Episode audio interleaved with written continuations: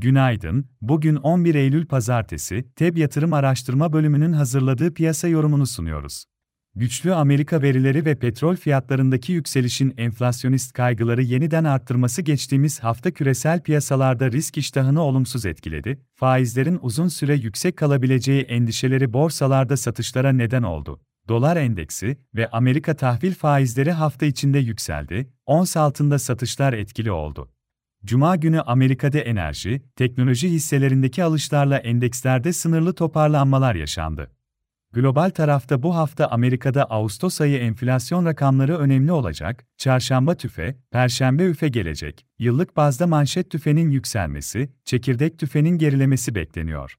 Yurt dışı borsalar Amerika enflasyon verileri öncesi yeni haftaya hafif yukarıda başlıyor, endekslerde cuma günü gözlenen toparlanma eğiliminin devam ettiğini görüyoruz. Çin'de Ağustos ayı enflasyon rakamları beklentilere paralel geldi, Asya borsaları Japonya dışında pozitif açıldı, Amerika endekslerinde vadeli tarafta hafif alışlar etkili.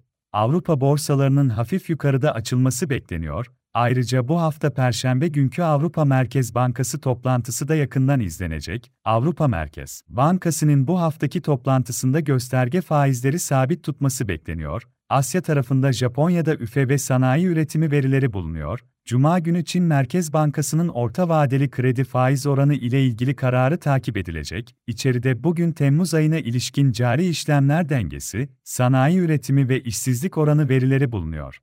Borsa İstanbul ise yaklaşık 4 aydır etkili olan yükseliş trendini geçtiğimiz haftada sürdürdü. BIST endeksi haftayı 8325 seviyesinde haftalık bazda %3.34 yükselişte tamamladı.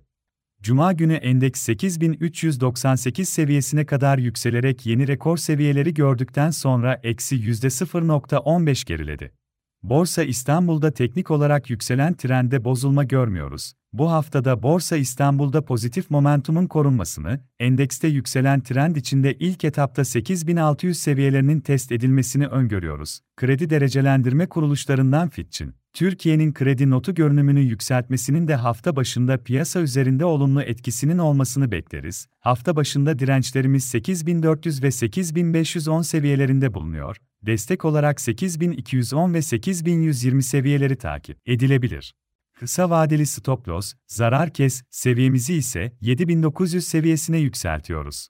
Hisse tarafında ise teknik olarak kısa vadeli alım yönünde Aksa Enerji, Aksigorta, Çimsa, Coca-Cola, İskenderun Demir Çelik, İş Finansal Kiralama, Migros, Şişecam, Türksel, Türk Hava Yolları, Yapı Kredi Bankası hisselerine bakılabilir. Piyasaları değerlendirmeye devam edeceğiz. TEB yatırım olarak herkese iyi bir gün dileriz.